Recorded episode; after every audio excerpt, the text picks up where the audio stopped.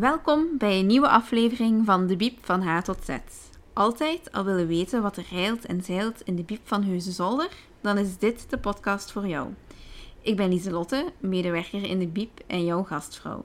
Dit is de allereerste aflevering van het nieuwe jaar en het is meteen een specialeke. Want voor de eerste keer is er een lener te gast om het te hebben over haar favoriete boeken.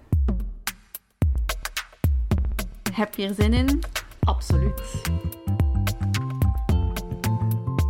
Dag Samantha. Hey. Ik zie dat je een hele grote stapel boeken hebt meegenomen.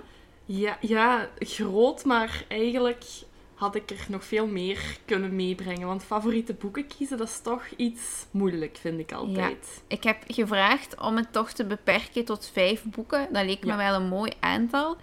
En ik had ook als extra opdracht erbij gegeven dat ze ook allemaal in de biep te lenen moesten zijn. Oei, dat, weet ik, dat wist ik eigenlijk niet. Maar, Maar het ik- is het ik- geval. Ik ben er zeker van dat dat het geval gaat zijn. Want dat zijn wel allemaal populaire boeken Mhm, die ik mee klopt. heb gebracht. Ja.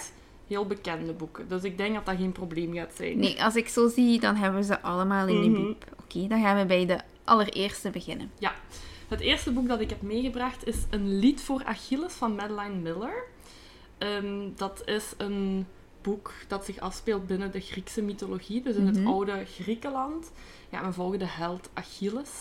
En we kennen die allemaal misschien wel van zo de Trojaanse oorlog en wat hij daar allemaal heeft gedaan.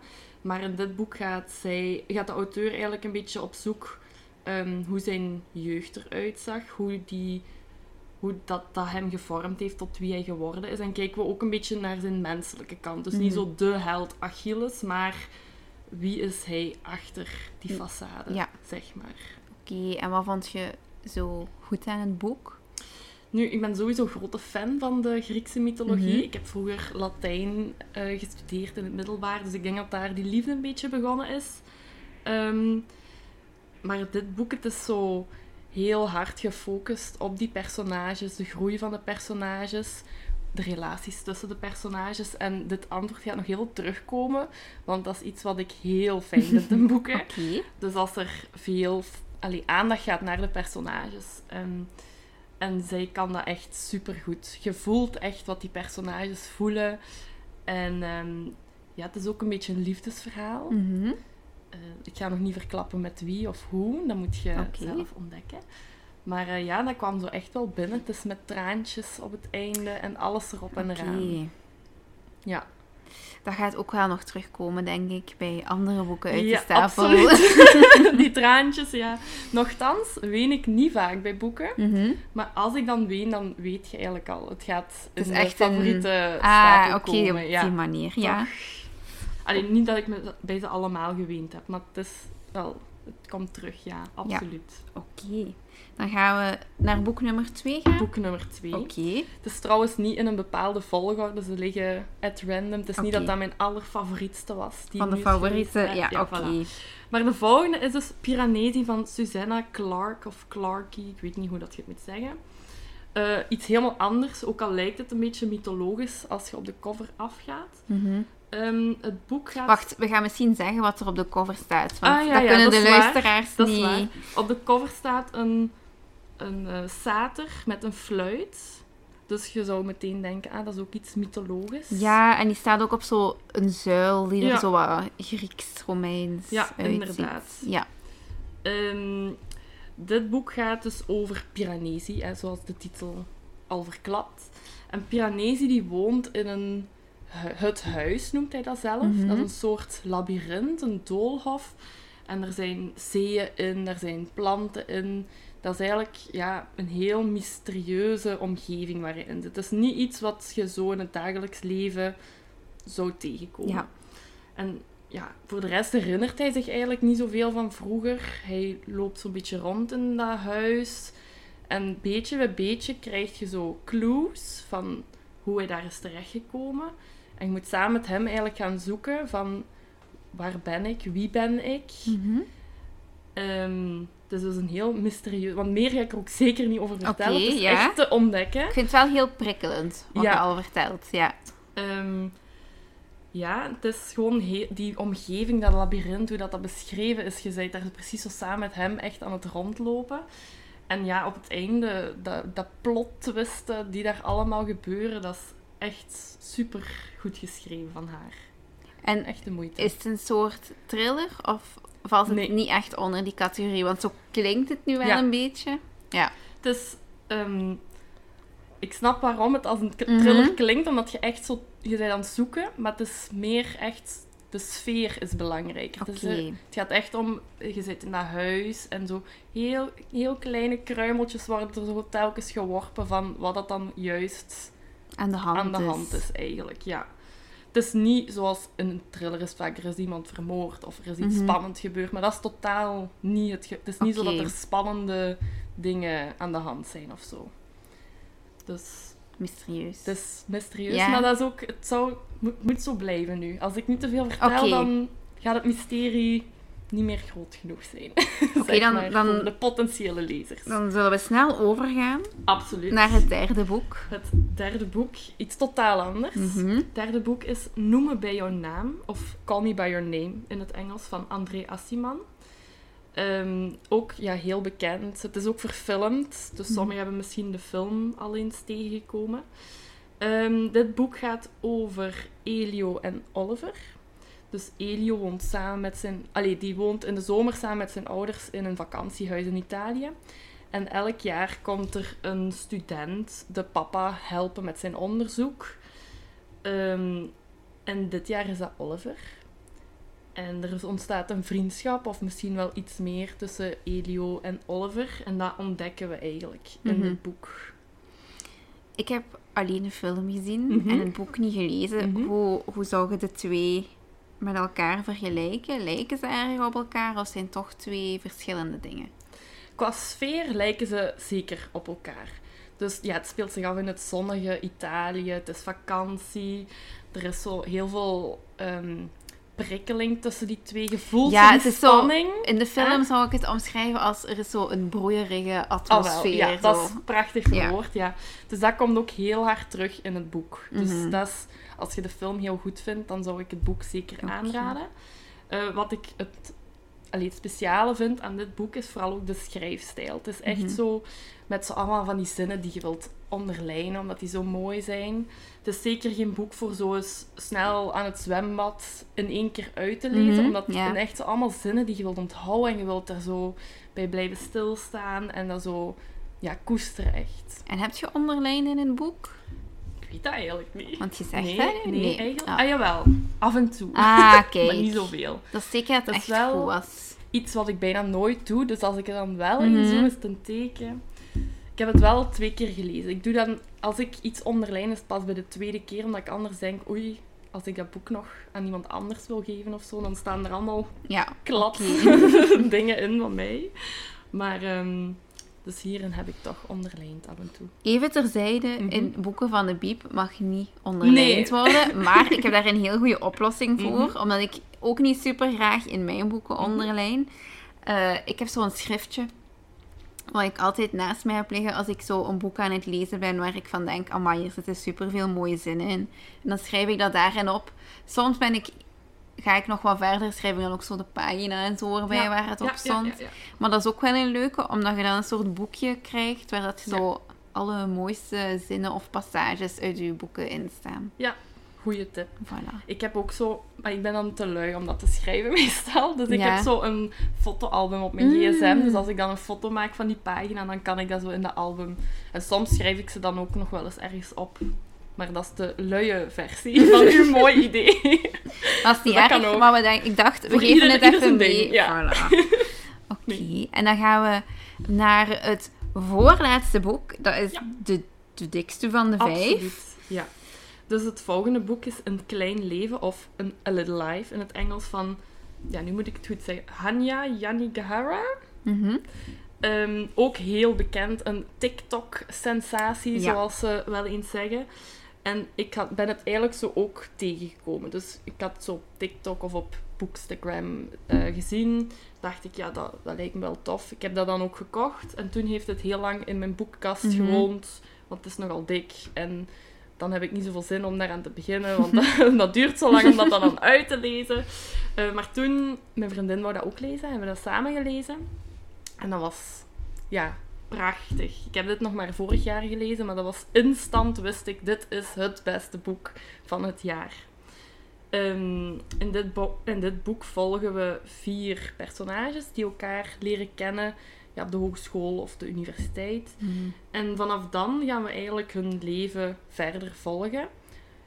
Tot het einde, zeg maar. Dus ehm, ja. Er En- is wel eh een van de vier die wat prominenter de Ja, hoofdrol heeft. dat hè? is juist. Dat is eh, Jude. Jude komt inderdaad het meeste aan bod. En dat is ook wel degene waar het, allee, het meeste over gaat, inderdaad. Ehm, maar het gaat, hij gaat dus het meeste in de picture komen, zeg maar. Mhm. Maar het gaat vooral over dan ja, zijn verleden, maar ook de relaties dan met de andere vrienden. Ehm, en ja, wat ik er wel bij moet zeggen, dit is zeker geen boek voor elke lezer, want Mhm. het is wel heftig. Hè? Er, er zit veel trauma in het leven van Jude.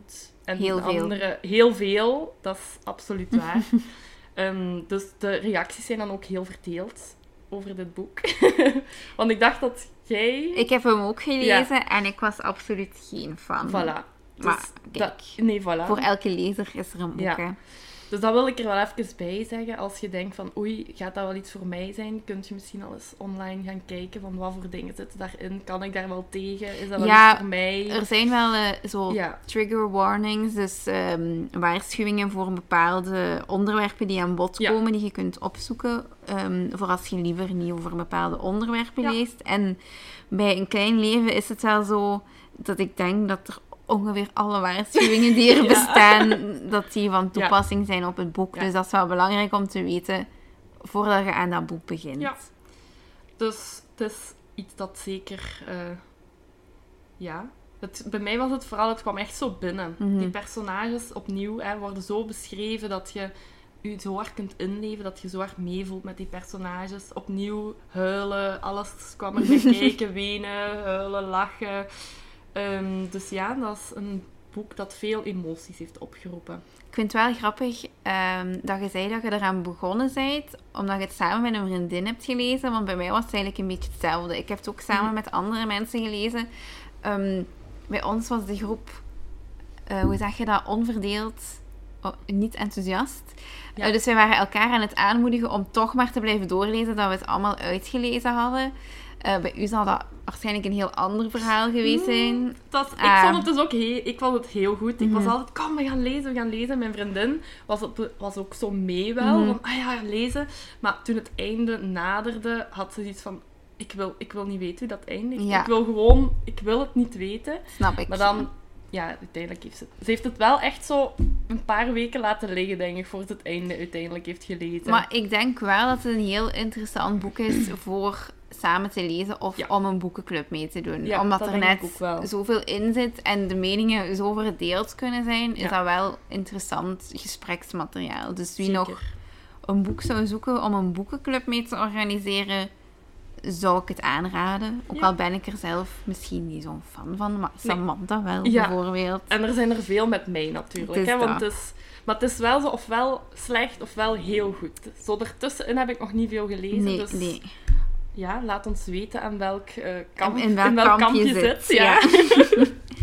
En dan gaan we naar het allerlaatste boek wat je Ja. hebt meegenomen. En daar word ik heel blij van, want dat is ook een van mijn Yay. favoriete boeken.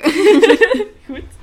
Ehm, het laatste boek is dus Gesprekken met Vrienden van Sally Rooney. Conversations with Friends in het Engels. Eh, eigenlijk ben ik gewoon groot fan van alle boeken van Sally Rooney. Ehm, dat is echt mijn lievelingsauteur op dit moment. Maar eh, ik heb toch gekozen voor Gesprekken met Vrienden. Dat is ook het boek waar ik haar mee heb leren kennen. Mhm. Ehm, in dit boek volgen we Bobby en Frances. Ehm, en zij doen zo... ehm, ik kom niet meer op het woord. Slam, poetry, Ja. avonden. Eh, poetry slam, ja, Ja. inderdaad. En eh, zo komen ze via via een, leren ze een koppel kennen, Mhm. Melissa en Nick. En eigenlijk raken ze zo'n beetje, ze raken met elkaar aan de praat, ze leren elkaar beter kennen. En er ontstaat zo'n soort vierhoeksverhouding tussen Mhm. die, want ze zijn zo wel aangetrokken tot elkaar en de verhoudingen veranderen zo helemaal tussen eh, elkaar. En ja, vanaf daar gaat het dan verder. En ontdekken we wat er gebeurt met de personages. Ja, het is zo moeilijk om te beschrijven Ja, eigenlijk. het is ook... ehm, bij Sally Rooney is zo'n beetje het geval ook dat er niet superveel plot in aanwezig is, zou ik zeggen. En dat vooral gaat over relaties met elkaar en Ja. hoe dat, dat verschuift. En wat ik ook wel boeiend vind aan haar, maar nu ben ik eigenlijk gewoon promo aan het maken voor het boek. Maar dat is goed te doen, maar. Doe maar. wat ik ook wel boeiend vind aan haar is dat er heel veel ehm, bespiegelingen in zitten over de maatschappij. En in dit boek is dat nu iets minder extreem. In haar laatste roman, ehm, ik ben de titel even kwijt. Ik Eh, prachtige wereld, waar ben je? daar is dat Ja. veel extremer in. Ja. Dus ik zou zeggen, als je dat aspect niet leuk vindt in haar boeken, daar moet je dan niet aan beginnen. Mhm. Ehm, maar dat is ook wel heel interessant. En ik vind de sfeer die zij zo kan opwekken. Ja. Dat is ook altijd zo. Ik ben altijd helemaal mee waar dat ze zijn. Ja, ik voel die personages ook gewoon echt zo. Dat zijn precies mijn vrienden als ik die lees. Of ik ben er precies zo echt bij. Ik weet niet hoe dat ze dat doet. Maar dat nee, is nee. zo... En het zijn ook meestal niet zo'n eh, sympathieke personages. Eh, je ziet dat ook. Allee, als je dat verhaal leest, je ziet, ah, die zijn onsympathiek. En wat ik dan zo altijd een beetje verontrustend vind, is dat ik mij ook wel heel erg zo identificeer Ja. met die personages. Te leven. We zijn allemaal, we hebben allemaal onze goede en minder goede kanten. En ja, in sommige boeken komt dat minder naar voren. En is het plot heel belangrijk en zien we gewoon de ene kant, alleen Mhm. één kant van de personages. Maar bij Sally Rooney gaan we echt alle facetten Ja. van de personages ontdekken. Wat echt super interessant is. Hier is eh, trouwens ook een serie van Ja, gemaakt. Juist. Ehm, Een heel leuke serie. Ik ah, ik heb hem niet gezien. Ja. Omdat dit boek mij zo na aan het hart lag dat ik het niet durfde. Omdat Ja. ik het al niet eens was met de casting. Maar, Ah, ja, ja. ja. Ehm, maar ja, voilà. Dat, dat was al het laatste gehad. boek. Ja. Dat ging, ging heel vlot. Ehm dan kan ik alleen maar ja, bedanken om de Heel tips met ons te komen delen. Dit was het alweer voor de eerste aflevering van 2024. Misschien kom jij binnenkort een van de tips van Samantha halen in de piep. En anders komen we elkaar sowieso tegen. Wil je op de hoogte blijven van nieuwe afleveringen? Abonneer je dan op ons via je favoriete podcastkanaal. Bedankt om te luisteren en tot de volgende keer.